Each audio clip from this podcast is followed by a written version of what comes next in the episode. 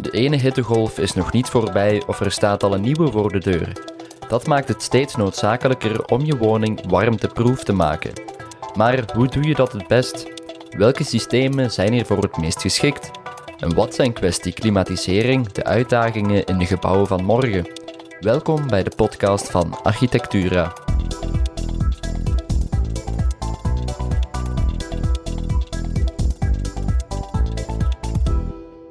Welkom bij de Architectura podcast, waarin we het in deze aflevering hebben over de turbulente wereld van binnenklimaat. Twee gasten zullen hun kennis spreiden over dit onderwerp.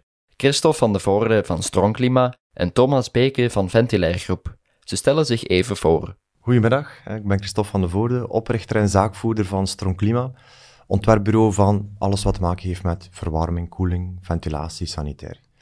Um, dat is eigenlijk wat ik in hoofdzaak doe. Ja, en goedemiddag, mijn naam is Thomas Beek. Ik ben uh, productmanager bij de firma Ventilair Groep in België. En wij zijn uh, eigenlijk leverancier van alles met ventilatiesystemen te maken heeft. Dus alles van, van een klein ventieltje tot een grote luchtgroep kunnen wij voorzien.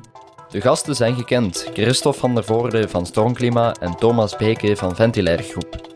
Filip van der Elst is de host en ik ben Stef Pennemans, de producent van deze podcast. Voor we van start gaan, bedanken we Ventilair voor het mede mogelijk maken van deze aflevering.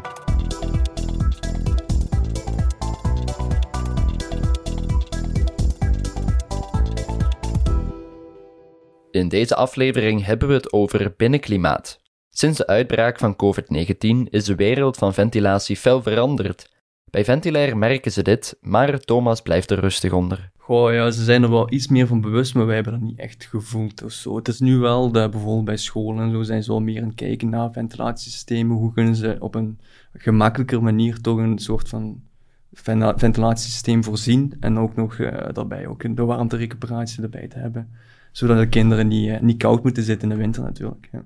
ja, is het een beetje jullie probleem dat ventilatie ja, niet zichtbaar is, maar, maar wel nodig is, dat mensen daar niet altijd van overtuigd of Ja, niet overtuigd. Ik denk dat het een beetje uit het verleden komt. Hè. Voorheen hoefde dit ook helemaal niet. Hè. Uh, we zijn steeds meer luchtdichter aan het bouwen en men ziet het inderdaad niet. Uh, en zeker de, de oudere stempel, die moet nog wel overtuigd, uit, overtuigd worden.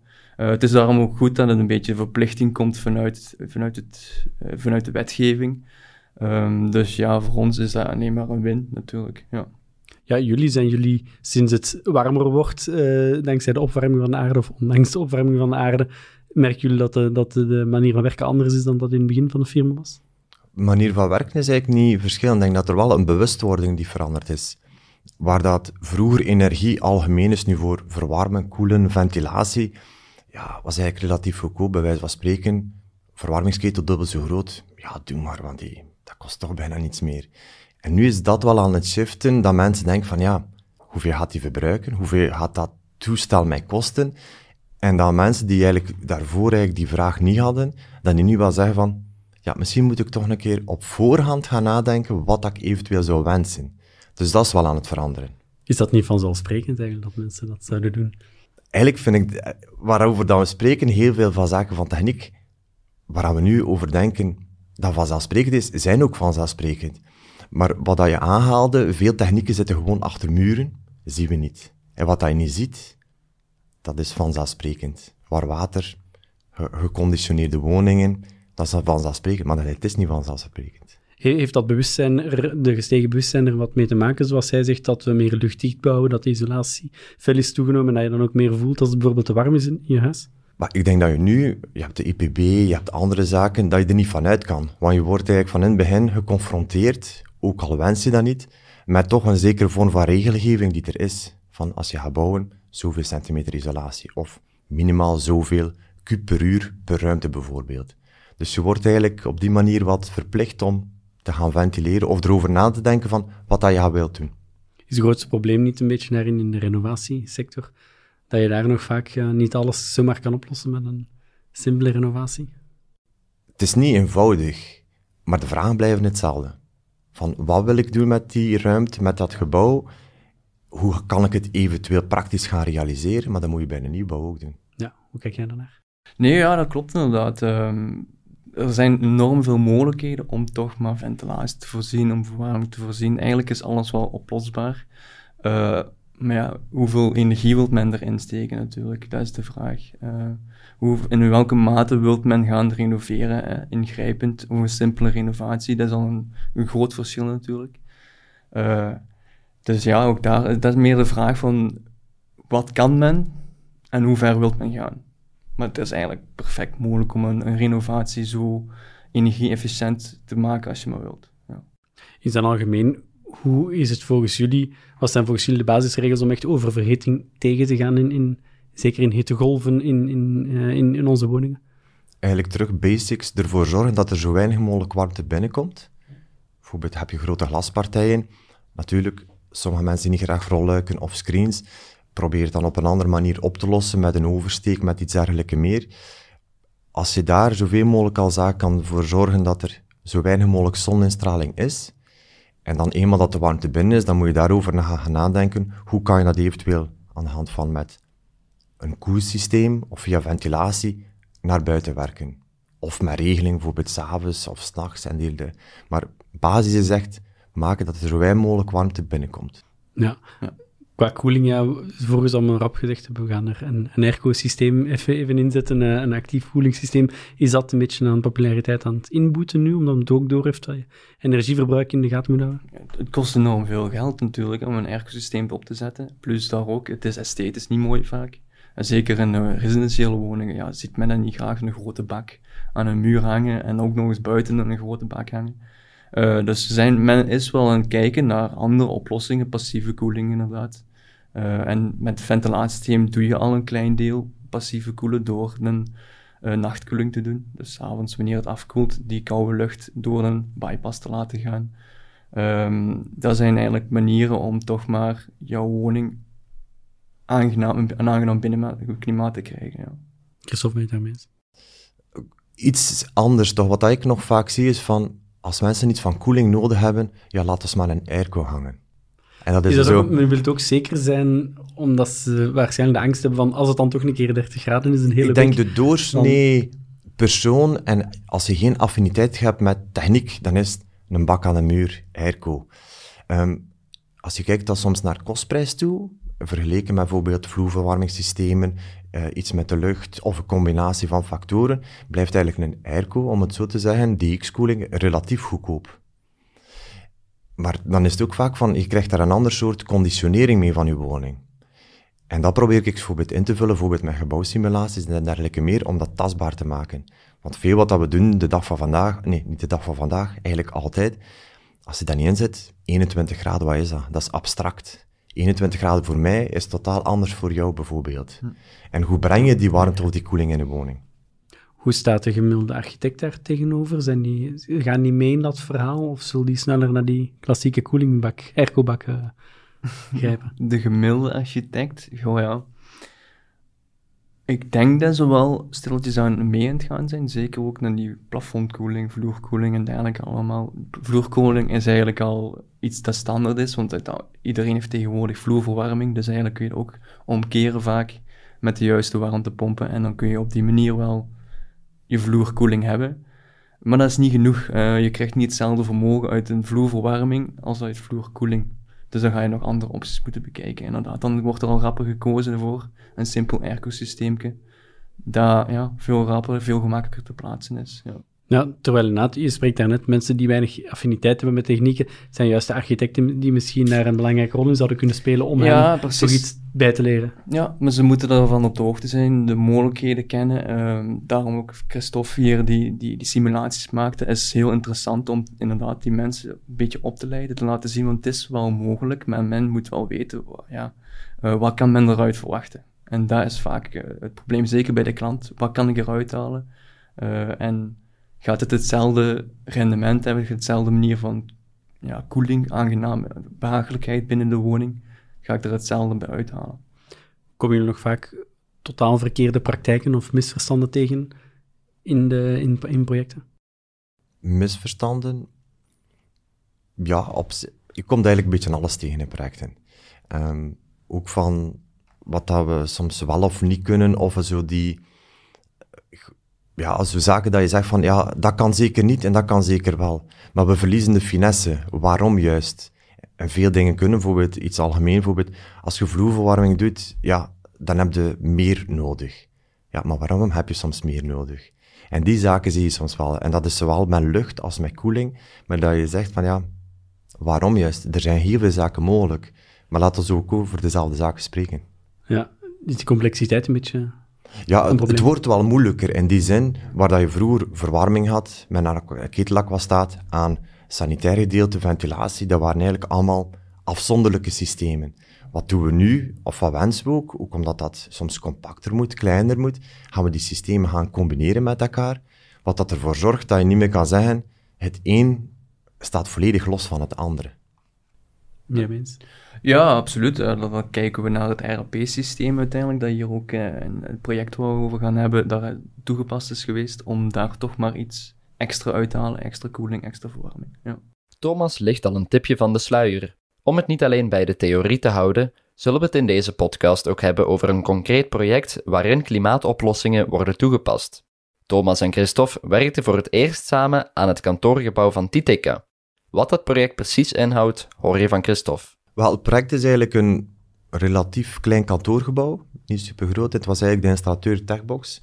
Mensen die ik daarvan ken, die hadden mij gevraagd. Eigenlijk de vraagstelling was gekomen. Klassiek deden ze alles met DX-koeling, met airco's. Maar daar waren daar comfortklachten van. En de klant had eventueel geopperd van, ja, zouden we niet met een ander soort verwarming, koelsysteem kunnen werken? Laten we zeggen, bijvoorbeeld klimaatplassons, vloerkoeling, vloerverwarming. Maar dat bleef vaag van, ja, hoe kunnen we dat kwantificeren? En zo is Techbox bij mij gekomen en die vroeg van, ja, ze weten dat ik gebouwsimulaties doe, kunnen we dat gaan simuleren? Dat wij eigenlijk op basis van wat dat daar als mogelijk beste systeem uit voortkomt, kunnen we daar iets concreet voor naar aanbieden naar de klant toe. En zo, Techbox werkt vaak samen met Ventilair, is eigenlijk de bal aan het rollen gegaan van, ja, wat gaan we er dan ook van in plaats van luchtbehandelingsunit, om zo verder tot een coherent geheel te komen. Ja. Hoe was jouw eerste kennismaking met, uh, met dat project? Goh ja, uh, wij krijgen de vraag binnen van wat kunnen we hier voorzien? Uh, welk ventilatietoestel kunnen we hier voorzien? En wat zijn de verwachtingen daaruit? De verwachtingen, ja, met wat kunnen we gaan koelen uit het ventilatiesysteem? Dat is natuurlijk belangrijk van welk debiet gaan we gebruiken, gaan we toepassen om die energie enigszins te kunnen overbrengen naar, de, naar het gebouw toe. Uh, en welke, ja, welke warmterugwinningssystemen gaan we gebruiken. Dus we kunnen daar een beetje kiezen tussen platenwisselaar, warmtewiel en dergelijke allemaal. Ja. ja, en waar is uiteindelijk voor gekozen? Kan je die een warmtewiel, ja. ja, ja. Dus de Comfort luchtbehandelingsunit met, met warmtewiel eigenlijk. Wat, hoe werkt zo'n warmtewiel precies? Zou je dat uitleggen? Ja, een warmtewiel, uh, in de wintersituatie gaat het eigenlijk warmte uh, recupereren uit de afvoerlucht. Uh, deze lucht die wordt dan vervolgens terug, of deze warmte wordt terug meegenomen en toevoerlucht en zo teruggebruikt. In de wintersituatie heb je natuurlijk hele droge lucht buiten. Dus het voordeel bij door de afvoerlucht te, af te koelen door middel van uh, thermische massa, ga je ook je lucht afkoelen uh, en gaat het condenseren. Die condensie wordt meegenomen in dat wiel en vervolgens terug toegepast in de toevoerlucht. Dus je, je hebt een soort van um, vochtterugwinning die in de lucht terechtkomt. In de zomersituatie gaan we deze, hebben we het omgekeerd. Gaan we eigenlijk de, de vochtige buitenlucht voor een deel kunnen blokkeren door dezelfde principe. En gaan we dus veel, uh, veel meer drogere lucht naar binnen blazen. Droge lucht nog altijd wel binnen de 60, 70 procent. Maar wel uh, iets wat we gemakkelijker kunnen koelen in principe. En hoe kwam dat in dit project het meeste tot zijn recht? Wat, wat maakte het uh, van dat systeem voor dit project geschikt? Het warmtewiel, ja, het warmtewiel in algemeen is op zich het, het, voordeel, ja, door die luchtontvochtiging kun je veel meer, heb je veel minder energie nodig om de temperatuur te behalen die je wenst. dus uh, met minder massa in de lucht heb je minder energie nodig. Uh, dus doordat, eigenlijk is het een simpele keuze om die warmtewiel te kiezen, omdat je eigenlijk met meer rendement uit je warmtewiel, of uit je warmtepomp gaat kunnen halen. En op die manier ga je ook veel meer vermogen kunnen hebben die je in, de, in, de, in het gebouw steekt. Of dat ook wat uit jullie simulaties dan is gebleken, of hoe, hoe zou je daarmee kunnen helpen?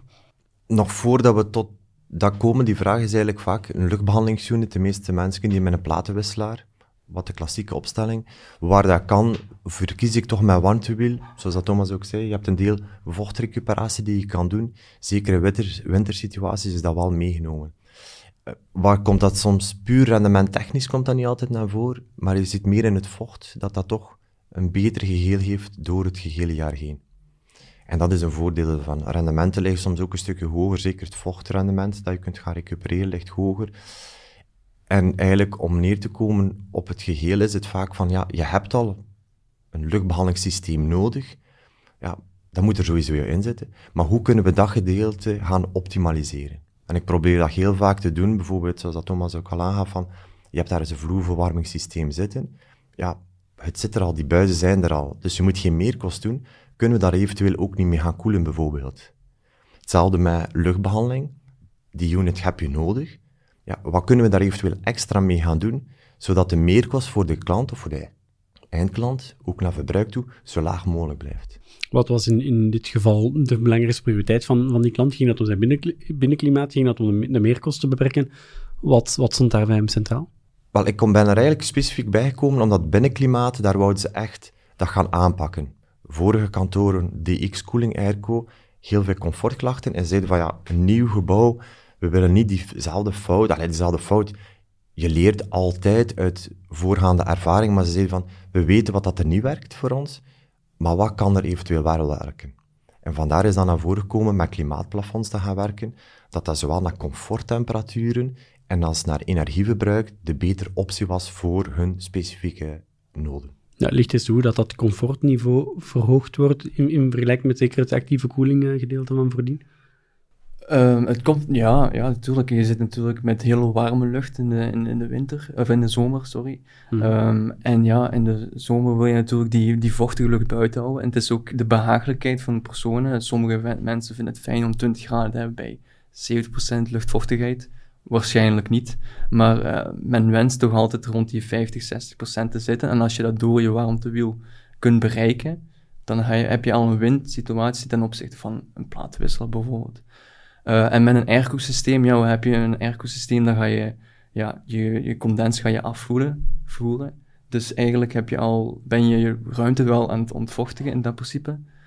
Um, maar bij heel veel lucht, heel veel luchtlawaai, heb je heel veel, heel veel debiet, heel hoge debieten om je airco-systeem uh, dat binnengeblazen wordt. En dat is natuurlijk comfortgewijs minder interessant. Ja, ja zeker. Um, is er uiteindelijk nog actieve koeling toegepast in het, in het gebouw? Wel, we zitten daar wel met een deel actieve koeling, want basis van het systeem is eigenlijk een klimaatplafond om te verwarmen en te koelen. En dat geheel is aangesloten op een luchtwaterwarmtepomp. Grondboringen waren op die site eigenlijk niet nodig, want dan zou je echt kunnen gaan zeggen van, wat kunnen we gaan doen onder de vorm van passieve koeling, dus eigenlijk geen compressorvermogen nodig, enkel de circulatiepompen laten draaien, was in deze case niet specifiek mogelijk. Dus het is een luchtwaterwarmtepomp, ja, die compressoren moeten werken, maar in het klimaatplafond gaan we een temperatuurregime waterzijdig gaan inbrengen van 17, 20 graden. Dus we gaan dat niet echt heel diep gaan koelen, ja, ook om te vermijden dat we condensvorming op het plafond krijgen. Maar op die manier zorgen we ervoor eigenlijk alles wat dat je in een gebouwmassa kunt verwerken, is nu vloer, wand of plafond, komt eigenlijk alle simulaties, maar ook in gewaarwording van mensen, dat dat naar comfort u altijd veel aangenamer is. Kunnen jullie dat aantonen met die simulaties? Ja, dat kan je heel duidelijk aantonen. Ja. ja dus en dat, dat werkt ook in dit geval, dat ze wel meteen ook zagen wat er wat effect zou zijn. Ja, want eigenlijk kan je zien, bijvoorbeeld in airco ga je eigenlijk je lucht gaan conditioneren. Puur de lucht. Maar die gaat er niet voor zorgen dat je gebouwmassa mee geconditioneerd wordt. Als je eigenlijk in die gebouwmassa, klimaatplafond hangt soms wel daaronder, is dat iets minder, maar zeker in vloer, verwarming en koeling, ja, ga je die chappen waar dat die buizen in liggen echt ook mee actief laten werken. Waardoor dat, dat qua gewaarwording totaal iets anders is. Dus dan kan in, dat was ook nu in dit geval, luchttemperatuur bij een airco kan perfect 25 graden zijn, die gaat er niet boven, maar je comforttemperatuur kan er wel boven liggen. Waar dan met een systeem voor het klimaatplafond, kan je wel tamelijk wat overschrijdingsuren hebben als je enkel kijkt naar het aspect lucht.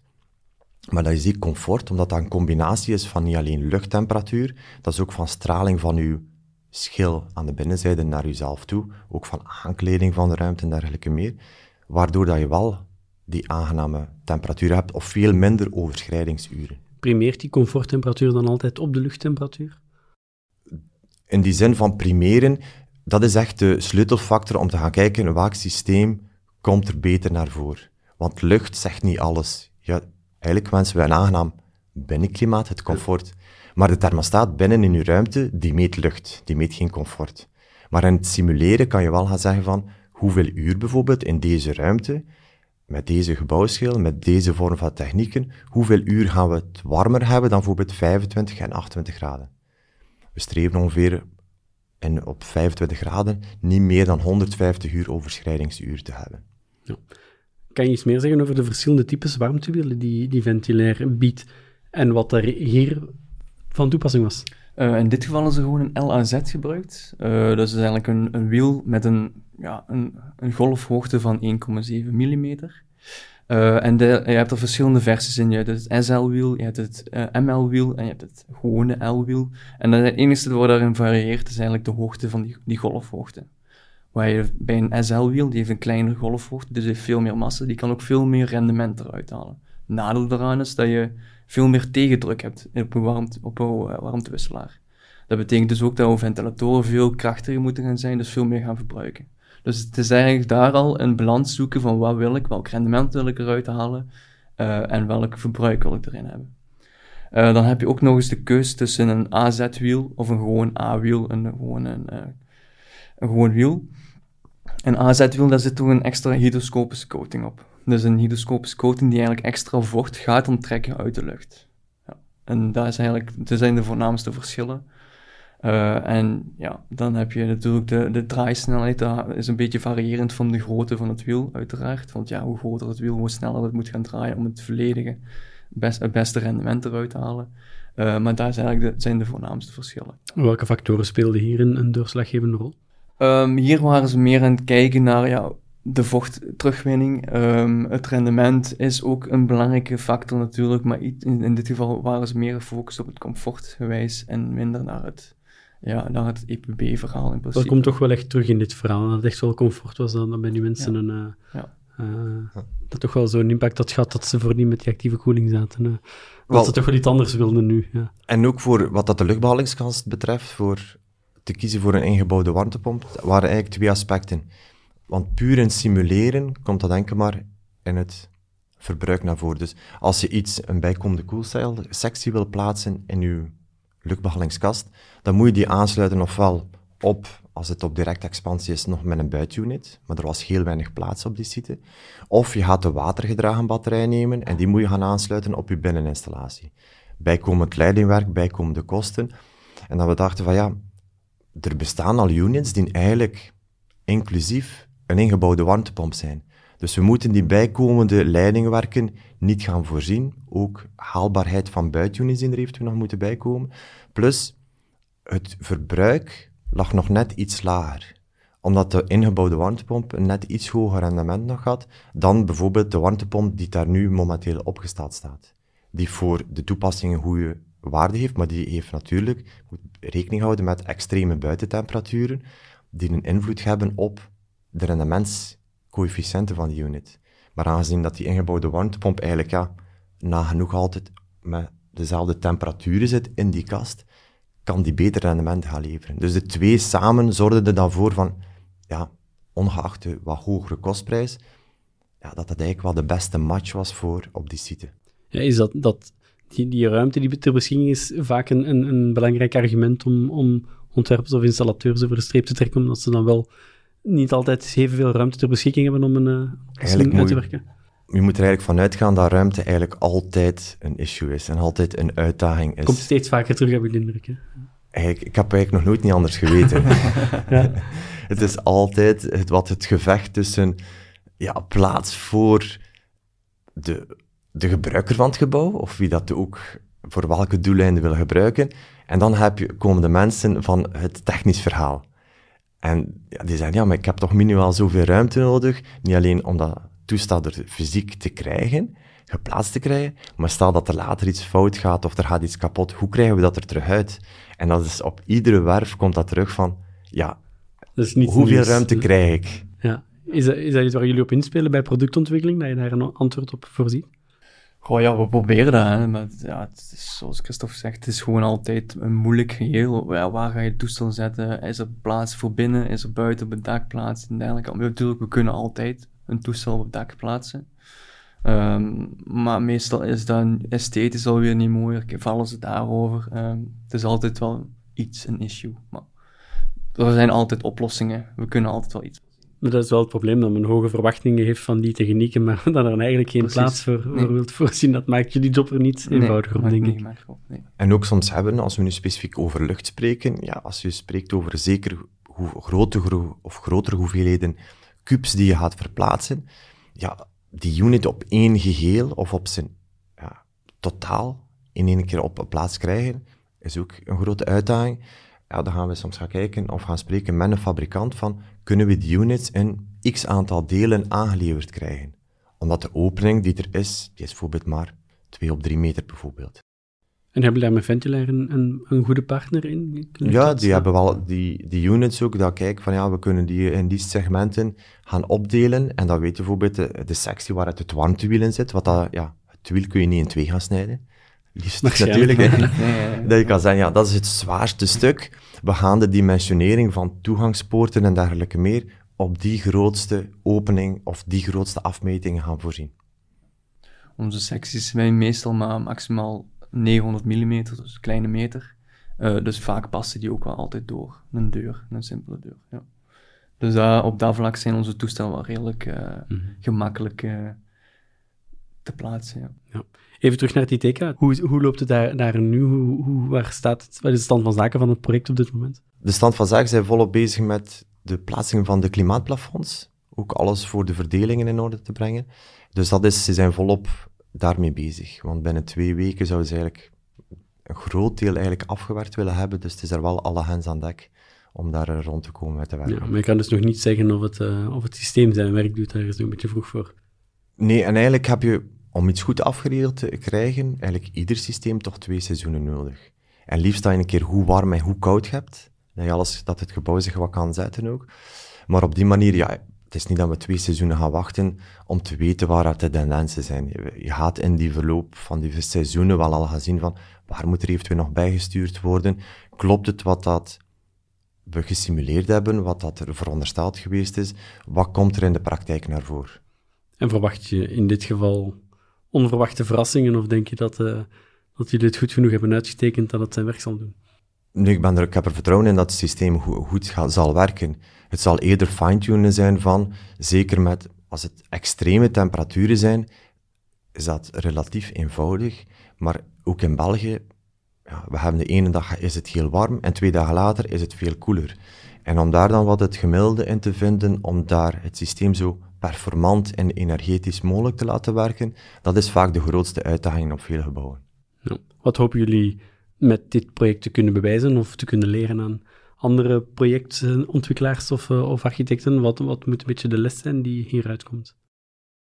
Wat dat mij betreft is vooral eigenlijk toch dat, allez, dat je eigenlijk met een relatief lage energiekostprijs toch een maximaal comfort kunt verkrijgen. Ja, absoluut. Ja. Ik denk dat dat wel de, de, de, de groene leidraad is in het hele project. Ja. Het is perfect mogelijk om een aangenaam binnenklimaat te behalen met weinig energie uiteindelijk. En wat heb je ervoor nodig om het dan te doen slagen? Goede voorbereiding. Ja, eigenlijk voorbereiding, los van wat dat u vereist is. Vaak zeg ik soms, alles wat dat je niet hebt voorbereid, dat kom je later toch nog tegen. Dus echt, je moet, zelfs dingen dat je denkt van, het zou wel moeten lukken, dat dat voorvalt. Denk daaraan, want er, op een werf komen er altijd zaken naar voren die onvoorzien, die onvoorzien zijn. Dus dat is echt iets, uh, voorbereiding is de sleutel tot alles. Ja, is, zijn de geesten daar voldoende voor grijpt in uh, Belgische bouwsector, of, of, moet het vaak te snel gaan, in, in, in zeker in grote projecten, uh, ik denk, kan niet, de tijd voor te nemen? Ik kan niet specifiek zeggen dat altijd dofies de grote projecten zijn die bijvoorbeeld daar de slechtste leerlingen zijn bij wij. Het hangt heel sterk vast met wie is het bouwteam. En wie is daarbij betrokken? Wat is hun mindset? Wat is hun ja, waar willen ze naartoe? Die zal bepalen van, ja, gaan we die voorbereiding goed doen? Gaan we ook alles de tijd laten? Er is altijd een zekere tijdsdruk, hè? daar gaan we niet van uit kunnen. Maar het hangt er echt vanaf van hoe het bouwteam, wat dat zij willen bereiken, als waar dat de benchmark ligt. En welke rol kan de fabrikant daarin opnemen voor, voor jullie? Kan die een, een vorderende rol op zich nemen? Zij kunnen vooral omdat, allez, er is zoveel techniek, kijken wat, is er al, wat bestaat er op de markt, wat is er mogelijk. En op die manier is het leuk om een partner te hebben dat je zegt van ja, kijk, ik zoek zo'n specifieke toepassing met die vereisten, waar staan jullie al bijvoorbeeld in ontwikkeling? Ik weet bijvoorbeeld dat jullie dat nu al doen. Is er al een verbetering op? Ja, is dat iets waar jullie op proberen inspelen? Continu. We proberen altijd vernieuwend te zijn. We willen continu eigenlijk de beste zijn uit de markt, uiteraard. Ehm, en ja, uh, we zijn natuurlijk een beetje afhankelijk van onze leverancier in ventilatieproducten. Uh, Comfovent uh, is wel een grote partij die wel continu aan vernieuwingen, aan het doen is en, en kijken is waar kunnen we meer, ja, meer markt uithalen natuurlijk. Ja. Dus ik denk eender welk bedrijf die denkt wel zo en die wil natuurlijk met de juiste input de markt op gaan om toch vernieuwend te zijn. Ja. Als ik jullie als afsluiter zou mogen vragen naar jullie gouden stelregel voor een, een efficiënte koeling aan, weinig verbruik? Wat, uh, wat zou die dan zijn? Waar moet een architect rekening mee houden voor jullie? Goh, um, wil men toch gaan koelen met die ventilatiesystemen en dergelijke allemaal, reken erop dat je een bepaalde overdimensionering gaat doen in je kanalisatie en dergelijke allemaal. Um, je kunt natuurlijk niet verwachten dat een airco-systeem dat in een lokaal gestationeerd is, dat dat het ja, dat, dat kan veel sneller werken. Dus men moet ook gewoon uh, begrijpen dat een ventilatiesysteem met een airco-systeem daarop, dat dat veel trager werkt. Dat gaat meer in, in hele lange golven werken, terwijl een airco-systeem heel krachtig, heel kort is. Um, men moet gewoon een andere denkwijze gaan hebben in het hele koelen. Dat is vaak een probleem in de conservatieve bouwsector die we hebben. Ja, absoluut. Maar ja, daar, daar gaan we naartoe moeten gaan. We willen energie-efficiënter, we moeten energie-efficiënter zijn. Um, de energieprijzen swingen de pan uit. Um, dus ja, om, om dure systemen te plaatsen is eigenlijk niet meer van deze tijd. Christophe, ben je het daarmee eens? Zeker. Maar wat ik er zeker zou willen aan toevoegen, is eigenlijk van uh, keep it simple, hou het zo eenvoudig mogelijk. Ik denk dat dat echt een uitdaging is voor de toekomst. Veel systemen gaan met elkaar geconnecteerd worden en dergelijke meer.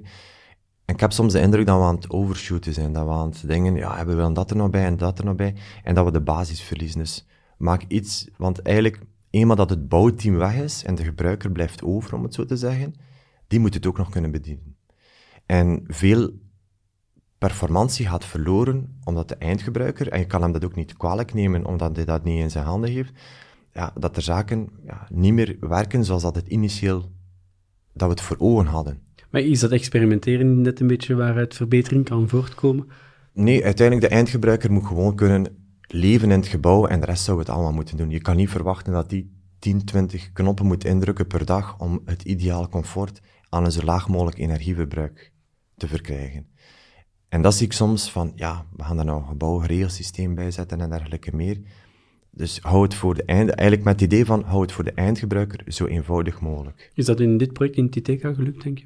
Ja, ja, dat gaat, dat gaat lukken. Je gaat altijd, je hebt een zekere hoeveelheid techniek, maar dat eigenlijk alles zo, ja, je zet een gewenste temperatuur en de rest moet eigenlijk zichzelf gaan regelen en gaan sturen. Ja, het is altijd comfort, maar dat hadden we vroeger ook. Hoe kunnen we het zo aangenaam mogelijk warmte gaan creëren in een gebouw? Aan bijvoorbeeld, stel, allez, figuurlijk gesproken, we hebben tien houtblokken nodig. Ja, hoe kunnen we hetzelfde verwarmingsniveau aanhouden met een halve houtblok? Stel maar dan terug, omdat energie was zodanig goedkoop, werd die vraag niet gesteld. Toch niet door iedereen. er waren er altijd, er zijn altijd mensen die daarmee bezig zijn. Maar koeling is iets waar je veel sneller ondervindt van, het is te warm. Warme zomer, het is echt niet aangenaam. Dus je kunt dat niet voor je uit blijven stuwen van, ja, het is te warm, ja, het is te warm, hoe kan ik dat oplossen? En vele grote glaspartijen, ik vind het ook mooi dat je mooi uitzicht hebt, maar wel met de consequentie dat het echt soms niet draaglijk is. Allee, er zijn projecten dat mensen soms in hun berging of garage moeten gaan wonen in de zomer, omdat het de enigste plaats is die wat comfortabel is. Maar heeft de architect daar dan een, een nalatige rol in gespeeld? Want je ziet inderdaad heel veel, hè? de grote huizen met grote glaspartijen zonder enige compenserende maatregel. Er zijn die daarmee bezig zijn en waar dat ondervond bij sommige architecten, en je kan iedereen over dezelfde kam scheren, maar die zeiden van, ik wil zo weinig mogelijk techniek. Maar nu, het technische luik, waar dat soms al werd gezegd van ja, we gaan daar niet veel mee doen, zo eenvoudig. Ja, nu hang je er wat aan vast ook, ook omdat de regelgeving heeft gezegd van, ja, dat moet je gaan doen. Je kan niet meer zeggen, we gaan het niet doen. Nee, je wordt verplicht, want je moet een zeker E-pijl en een zeker S-pijl gaan halen. En dat zorgt er wel voor dat je plots ja, verplicht bent Echt om daar uh, iets mee te gaan doen. En denk ook wel bepaalde mensen, allee, de klanten die ik vaak zie, is van, ja, doe eigenlijk, allee, cru gezegd, alles wat je wil, maar ik wil een aangenaam comfort, ook tijdens de hele warme zomermaanden. En dan is het aan de architect om daar een invulling aan te geven. Maar dan komt er ook een vraag van, ja, kan je dat, wat moeten we nu gaan kiezen? Dat is alle dagen de vraag die naar mij komt, wat moeten we nu gaan kiezen? En de oplossingen zijn legio, hè. Er zijn, en er bestaan heel veel mogelijke oplossingen. Maar de vraag is van, wat moet ik nu kiezen voor dit gebouw op basis van de noden dat de klant geeft? Zou wetgeving daar nog meer of beter in kunnen sturen, denk je? Nee, want dan kan je niet specifiek gaan zeggen, want eigenlijk een luchtbehandelingsgroep, andere units, die zijn heel performant al. Ik kan inderdaad nog gaan zeggen, je moet nog performanter zijn. Maar het is van, wat doe je er juist mee? En ik zie een uitdaging, maar dat is op niet alleen in het vlak van HVAC, dus van wie gaat dat allemaal gaan plaatsen, wie gaat dat gaan ontwerpen, technische profielen. Als er één iets is om een open deur in te trappen, dan is technische profielen om dat te vinden. En we moeten zodanig veel gaan renoveren ook, maar wie gaat dat doen? En dat is de uitdaging, vind ik ook, de dag van vandaag, is van, we hebben zoveel mensen nodig, we hebben ze niet, en heel veel uitstroom van mensen die die kennis hebben, maar die zijn er niet meer. En wie gaat die kennis gaan compenseren? Merk jullie bij Ventilair ook? Technische mensen is een ramp om te vinden, ja, absoluut. Um, men, ja, elk, ik denk dat eender welk firma die, die, die mensen zoeken, zijn wel technische mensen. Uh, ook bij ons is het net zo, ja, dat, dat duurt een jaar eerder we een, een, correcte persoon vinden voor bijvoorbeeld een functie in te vullen. Dat is waar we in leven momenteel, dat is het probleem, denk ik, eh, het voornaamste probleem, ja. ja. Dus, uh, dat is natuurlijk niet iets wat je op vandaag op morgen uh, oplost, natuurlijk. Hè. Nee, ja, nee ik weet niet, ja, hoe, kun je zoiets aantrekkelijker te maken, ja. Moeilijk te zeggen, eerlijk gezegd. Ik, uh, ik vind de techniekwereld uh, een prachtige sector, maar blijkbaar voor niet, voor niet iedereen is dat zo, blijkbaar, ja. ja. Soms is het een nobel doel om mensen een comfortabel binnenklimaat te, te geven. Ja. Niet iedereen denkt er zo over, duidelijk. Nee, nee.